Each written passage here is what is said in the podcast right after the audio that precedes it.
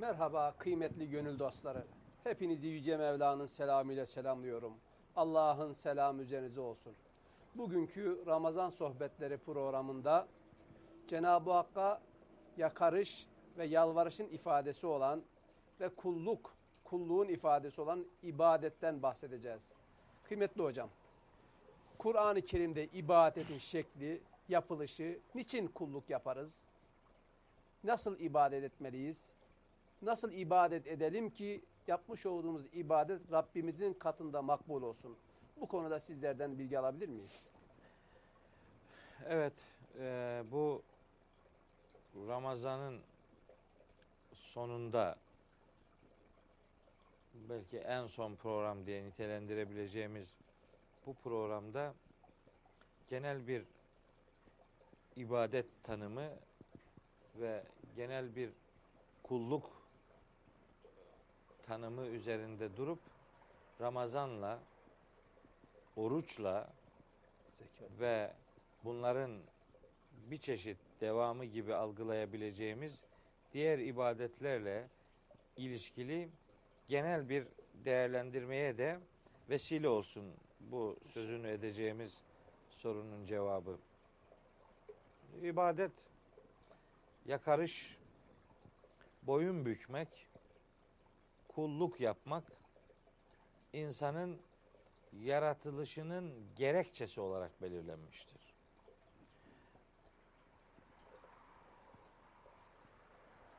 Arapçada kul abd kelimesiyle ifade edilir. İnsan abddir. Yani kuldur. Kime kuldur? Allah'a kuldur. Allah'a kul olanlar kulluğun zirvesini yaşayanlar başkalarına kul olmaktan kurtulanlardır. O itibarla Allah insanların kendisine kul olmasını yaratılışın gerekçesi olarak belirlemiştir. Zariyat suresinin 56. ayetinde bunu çok net bir şekilde hiç tartışmaya mahal bırakmayacak şekilde ifade buyurmuş ve ve ma halaktul cinne vel inse illa liyabudun ayetiyle bunu hükme bağlamış. Cinlerin ve insanların sadece ve sadece Allah'a ibadet için yaratıldığı böylece e, hükme bağlanmıştır. Şimdi biz bu yaratılışın gaye olarak gerçekleştirilmesinde ibadetin merkeze konulduğunu namazlarımızda itiraf edelim diye Cenab-ı Hak bu cümleyi namazda tekrarlamamızı istemesinin sonucu olarak Fatiha suresinin 5. ayeti olarak bu gerçeği namazın bir parçası yapmıştır. Fatiha suresinde işte üç ana konu ele alınır. Bunlardan biri yaratana hamd ve onun sıfatlarından bir bölümünü ifade etmek. Diğeri ikincisi kulluk. İyyâke na'budu ve iyyâke nestaîn. İyyâke na'budu ya Rabbi sadece sana kulluk yaparız. Ve iyyâke nestaîn ve sadece senden yardım isteriz. Kulluk yapmak bir insanın kimin karşısında boyun eğeceğini ve kimden yardım dileyeceğini bilmesi demektir. Namazda biz bu itirafı gerçekleştiriyoruz. Her namazın her rekatında namazın olmazsa olmazı diye belirlenen Fatiha suresinde Cenab-ı Hak insana kulluğun daima itirafını gerçekleştirmesini öğretmiştir. Kur'an-ı Kerim'in indiriliş sırasına göre surelerine baktığımız zaman bu kulluğu peygamberimize hatırlatan ifadeleri gördüğümüz gibi Cenab-ı Hak kendisini o ilk indirilen surelerde çok büyük oranda hep Rab diye tanımlamıştır. Şimdi ikra bismi rabbikellezi halak halakal insane min alak. İkra ve rabbukel ekrem. Rab kelimesini kullanıyor. Başka surelerde de böyle Rab kelimesine ikide bir gönderme yapıyor. Rabbul meşriki vel mağribi. Müzzemmil suresinde şu üçüncü sure. Dördüncü sure Müddessir suresi ve li rabbike fasbir ve rabbeke fekebbir Rabbine hep Rab kelimesi üzerinde duruyor. Niye? Hazreti Peygamber'in kul olduğunu ve kul olan bir insanın Rabbinin bulunduğu bilincini ona vermek için Cenab-ı Hak bu ilk indirilen surelerde hep Rab sıfatıyla ilgili e, kullanımlara Kur'an-ı Kerim'de yer vermiştir. Kur'an insana kul olduğunu öğütlerken kime kulluk yapacağı noktasında da Allah'ın Rab sıfatını bize öğretiyor, öğütlüyor. Bu itibarla kulluğun yaratılış gerekçesi ve misyonu olarak belirlendiğini Kur'an-ı Kerim'den öğreniyoruz. İşte bu kulluğun bir takım göstergeleri var. Kulluk yapacak bir adam da ne yapacak yani? Ha, işte Ramazan bu göstergelerden çok önemli birinin gerçekleştirildiği bir aydır. Oruç bir kulluk göstergesidir. Namaz kulluğun bir başka göstergesidir. Zekat bir başkasıdır. Hac bir başkasıdır. Diğer faaliyetler ilim tahsil etmek bir başkasıdır. Hayır kurumlarına destek olmak, infak yapmak bir başkasıdır vesaire vesaire. Ramazan'da insanın kul olmasını sağlamanın en önemli bedene yönelik, ruha yönelik, çevreye yönelik duyarlı insan oluşturabilmenin pratik örneği üzerinde durulur Ramazan ayında. İşte oruç insana aç olmayı öğretir. Oruç insana açlığı tanıtır. Oruç insana açları tanıtır. Oruç insana açlara karşı nasıl davranmak lazım geldiğini yaşayarak öğretir. Tavsiye ederek değil, yaşatarak öğretir. Yani siz insana açlara destek olun dersiniz dersiniz bir kısmına etkili olur bir kısmına etkili olmaz. Ama sizi aç bırakırsa bir adam ya da bir güç daha sonra açlara yardımcı olun sözünü, emrini size ulaştırırsa aç olana açlığı bilen birinin yardımcı olmasını sağlamak çok daha etkin ve çok daha kestirme bir yoldur. O itibarla Ramazan orucu komple bir ibadettir. Kulluğun en önemli göstergelerinden biridir. Şimdi Ramazan'da gerçi Ramazan bitti ama biten Ramazan'ın Ramazan'dan sonrası ile ilgili nasıl bir Kazanımları korumak. iletişim içinde olması lazım geldiğini sorgulamak durumundayız. Ramazan'dan ne kazanacak insanlar? Ramazan neye yarayacak? Bu kulluk alıştırmalarının asıl amacı nedir? Ramazan bir eğitim ayıdır dedik. İnsanlar Ramazan'da bir eğitime tabi tutuluyorlar. E bu eğitimde insanlar neyi gözetleyerek bu bu tabi olmayı gerçekleştirecekler? Efendim işte Ramazan'da oruç tuttuk tamam. Hayır tamam değil. İnsanlar hizmet içi eğitimler alırlar. Hizmet içi kurslar alırlar. Niçin bu kursları alırlar? Yenilenmek. O kursun devamında gereken hassasiyeti göstersinler diye. Hazırlıklı olsunlar diye. Sporcular antrenman yaparlar. Niye? E, maça çıkacak, oyun oynayacak ise onun antrenmanlı olması lazım. Antrenman yapmadan işte bir müsabakaya çıkan daha birinci raundda, birinci devrede ya da ilk dakikalarda havlu atar olur biter bitti. İşte Ramazan bir antrenman ayıdır. Neye antrenmandır? Hayatın geri kalan kısmına. O kısmını düzgün götürelim diye Ramazan'da oruç tutarız. Bütün ibadetler böyle bir gerekçeye bağlanmıştır. Bunda hiç tereddütünüz olmasın. Namaz ibadeti de geçmişle ilişkili olarak kılınmaz.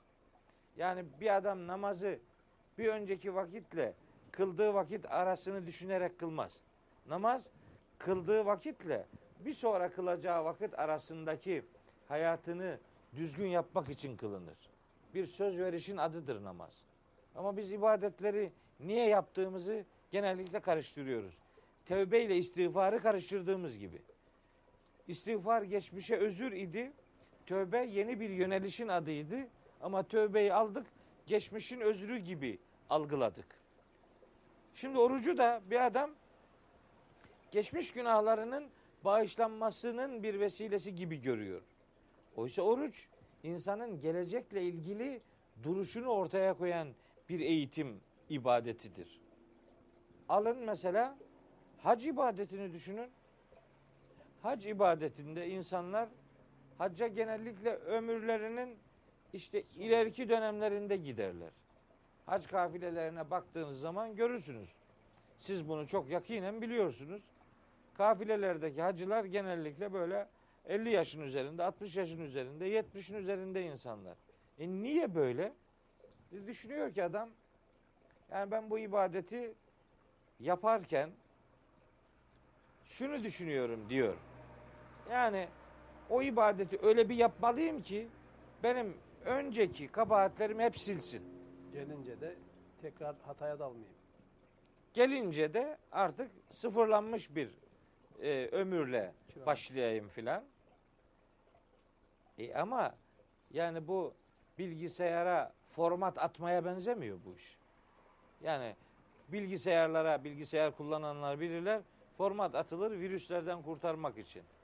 Hac ibadeti böyle bir formatlama ibadeti değildir.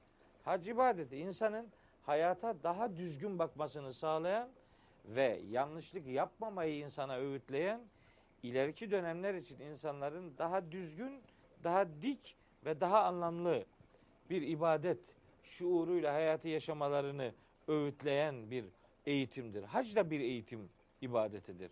Ama bunu ömrünün sonunda yapınca bu eğitim bu eğitim ömrünün sonunda yapılan eğitimin insana bir katkısı olmaz. Zekat veriyor insanlar. Zekat veriyor. Bir insan zekat verirken bir adamın dünkü açlığını gidermek için zekat vermez. Bir sene önceki açlığını gidermek için zekat vermez. Bir insan zekatını verirken şu anda aç olan insanın açlığını gidermek için ve yarın aç kalmamasını sağlamak için zekat verir. Bütün ibadetler böyledir.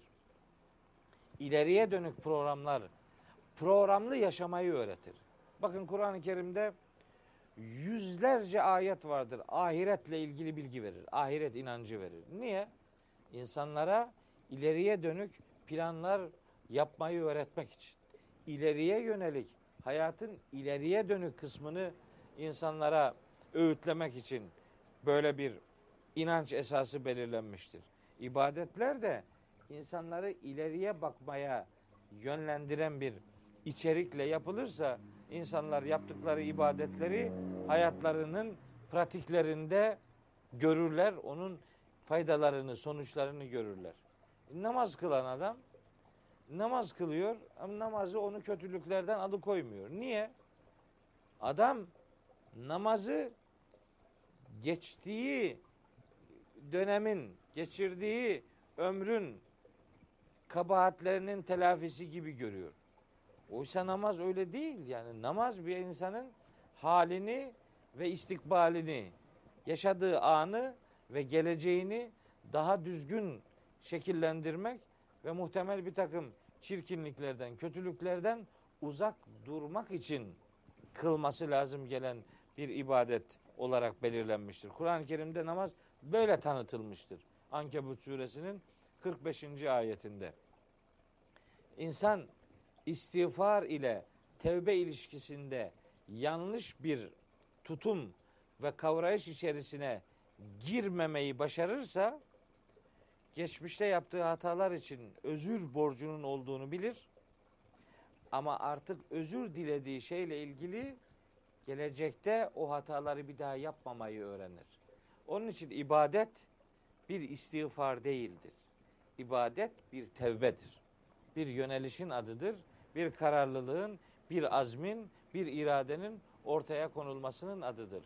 O itibarla ibadet yakınlaşmanın adıdır. Alak suresinin son ayetinde o bu, bu, bu benim verdiğim anlam e, çok net bir şekilde görülüyor. Yüce Allah buyuruyor ki Alak suresinin son 19. ayetinde La tuti'hu sen işte o e, insanları kötülüğe e, şartlandıran, yalan konuşan, hakkı hakikati reddeden, hakkı hakikati yalanlayıp onlara sırtını dönen, arkası dönen insana itaat etme ve sücüt. Secde et. Yönel. Allah için secde yap, vaktarip ve böylece cennete yanaş, hakka yanaş. İbadetle hakka yanaşmak doğru orantılı iki kavramdır. Secde insanı hakka yanaştırır. Ve Peygamberimiz de işte mesela bu ayeti tefsir bağlamında buyuruyor ki secdeyi tanımlarken akrabu ma yekunul abdu ila rabbihi ve ve. Kulun Rabbine en yakın olduğu an secde anıdır. Çünkü secdede insan Rabbi ile adeta baş başadır. Oradan Rabbi ile baş başa kalacağı duygusunu, hissini, şuurunu, bilincini alan bir adam namazından sonra bir sonraki namazda yine Rabbi ile baş başa kalacağı bilinciyle hareket eder. O iki secde, iki namaz, iki vakit arasında Allah'ın gazabını gerektirecek yanlışlıklar yapmamayı öğrenir. İbadet bu anlamda insana, insanın kendisine çeki düzen vermesini, insanın hayata daha bir anlamlı bakmasını, daha şuurlu bakmasını sağlayan önemli bir e, bilinç pratiğidir. Ha, şimdi bakın oruç Ramazan ayı işte bir yardımlaşma ayıdır. İnsanlar birbirleriyle yardımlaşıyorlar. E, çok güzel bu. Fakat bazen davetler yapılıyor. Öyle bir israf var ki o davet sofralarından, masalarından dökülenler yiyenlerden daha fazlasını doyuracak kadar bir e, yekün teşkil ediyor. İnsanlar birbirlerini davet ediyorlar. Ben defalarca şahit olmuşumdur. Birbirlerini kendisini davet edebilecek olan adamı davet ediyor. Kendisini davet edemeyecek olan adamı davet etmiyor. Adeta Ramazan ibadetini böyle Al. birbirlerine ziyafet çekmeye dönüştürüyor. Al gülüm ver gülüm. al gürüm ver gürüm gibi verecek olana al diyor adam Evet. vesaire. Ramazan'da bir takım böyle aksaklıklar elbette görülüyor. Bunlar bizim canımızı da sıkıyor ama asıl can sıkıcı olan başka bir tarafı daha var bunun. Ramazan'da aç olan insanları doyurmaya gayret edenler aynı aç insanın bayramdan sonraki açlığıyla ilgili herhangi bir çabanın içerisine girmiyor. Ramazandan sonra da aç o insan. Ramazandan sonra da yardıma muhtaç. Ramazanda yardım yapmak, Ramazandan sonra da yardım yapmayı öğrenmenin bir aracıdır. Ama biz sadece Ramazanda yardım yapmayla işi sınırlı tutuyoruz. Ramazandan sonrasına onu herhangi bir şekilde ulaştırmıyoruz, taşırmıyoruz. Oysa bu Ramazan sahurda kalkmak ibadete uyanıkken başlamayı sağlar. İftara kadar o uyanıklığın etkisiyle insanın donanımlı olmasını sağlar. Her bir gün şuurlu ibadet yapan insanlar Ramazanın sonunda bayram yaparlar. Ama Ramazanını, gününü Ramazanlaştıran, Ramazanını ömüre, ömrüne yayan insanların ölümü bayram olur. Ama bu topyekün bir bakış kazandırılabiliyorsa böyle bir sonuçla bir bayramla ödüllendirilir. Ramazan'da namaz kılıyor. Ramazan'dan sonra bir daha kılmıyor. Niye? Çünkü ona diyorlar ki mesela işte iki tane teravih kıldın mı işte geçmiş günahların hep affoluyor. Yani buradan söyleyelim. adına nafile denen farz dışındaki namazların bin rekatı da on bin rekatı da bir rekatlık farz değerini almaz. Dolayısıyla nafileleri kaçırmayıp farzlara itibar etmemek doğru bir davranış değildir. Ramazanda ibadete başlayan insanlar ibadetin tadını alırlarsa Ramazandan sonra devam ettirsinler ki Ramazanın memnuniyeti, Ramazanın etkisi hayatlarında görülsün. İşte Ramazan'ı bizden memnun eyle ya Rabbi diye dua ediyoruz. Ramazan'ın bizden memnun olup olmadığını anlamanın yolu bayramdan sonra Ramazan'da öğrendiklerimi uygulayıp uygulamadığımız pratiklerle anlaşılabilir.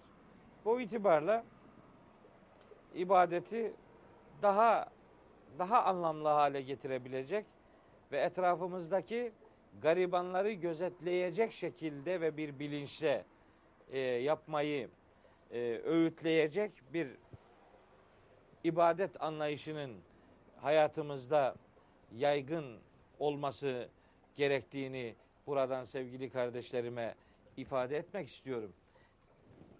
İbadeti böyle yani örf gibi, gelenek gibi, alışkanlığın bir sonucu gibi algılayacak tutum ve davranışlardan ibadeti Allah emrettiği için yapmaya, o emre boyun büktüğümüzü, gönülden o emri yerine getirme arzusu taşıdığımızı ortaya koymaya mecbur olduğumuzu bilmek durumundayız.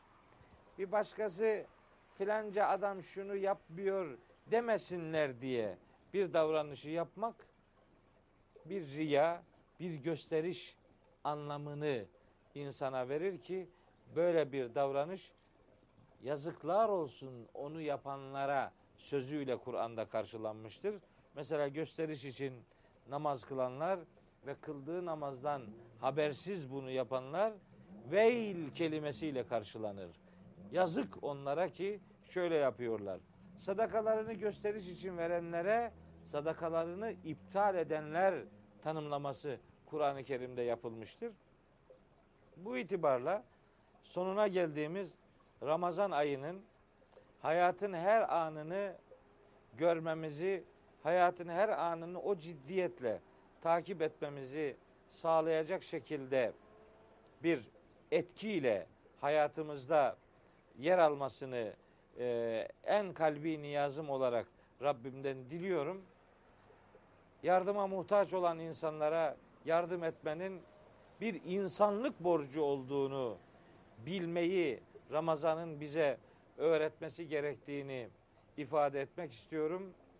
Empati dediğimiz başkasının farkına varabilmeyi, kendisi için istediğini kardeşi için de istemenin kamil bir imanın vazgeçilmezi olduğunu belirten peygamberimizin bu mesajını doğru anlayabilmeyi Ramazan'ın bize en önemli katkıları olarak görme arzumu yineliyorum ve Cenab-ı Hak'tan bütün Müslümanlara hayatı doğru kavrayacak şekilde, hayatı doğru yaşayacak şekilde, hayatı anlamlı işlerle şenlendirecek şekilde süslemeyi nasip etmesini niyaz ediyorum. Ve bir ay boyunca bizi izleyen sevgili kardeşlerimize gönülden muhabbetlerimizi, gönülden teşekkürlerimizi sunmayı bir borç biliyorum.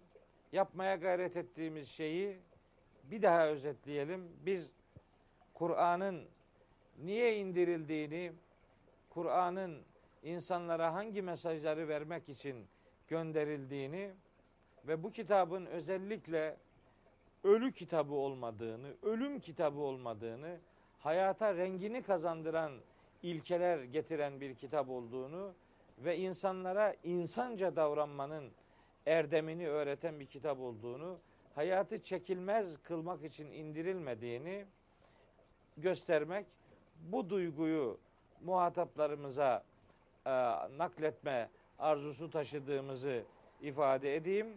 Kısaca yapmak istediğim sadece ve sadece Kur'an'ın farkına varılmasını sağlamaktan ibarettir. Kur'an'ın farkına varanlara ne mutlu diyorum. Kur'an'la konuşanlara, Kur'an'ı konuşanlara, Kur'an'ı anlayanlara, Kur'an'ı anlatmaya çalışanlara Cenab-ı Hakk'ın yardımının daima geleceği müjdesinin Kur'an'da yer aldığını ifade etmek istiyorum. Kur'an'ı hayatının, dini hayatının en önemli gereği gibi algılayan ve onu en güzel yaşayan Hazreti Peygamber'i örnek alarak bir ömür sürdürme erdemini yakalayan insanlardan, müminlerden olmanızı, olmamızı Rabbimden niyaz ediyor. Hepinizi Hakk'a emanet ediyorum sevgili kardeşlerim.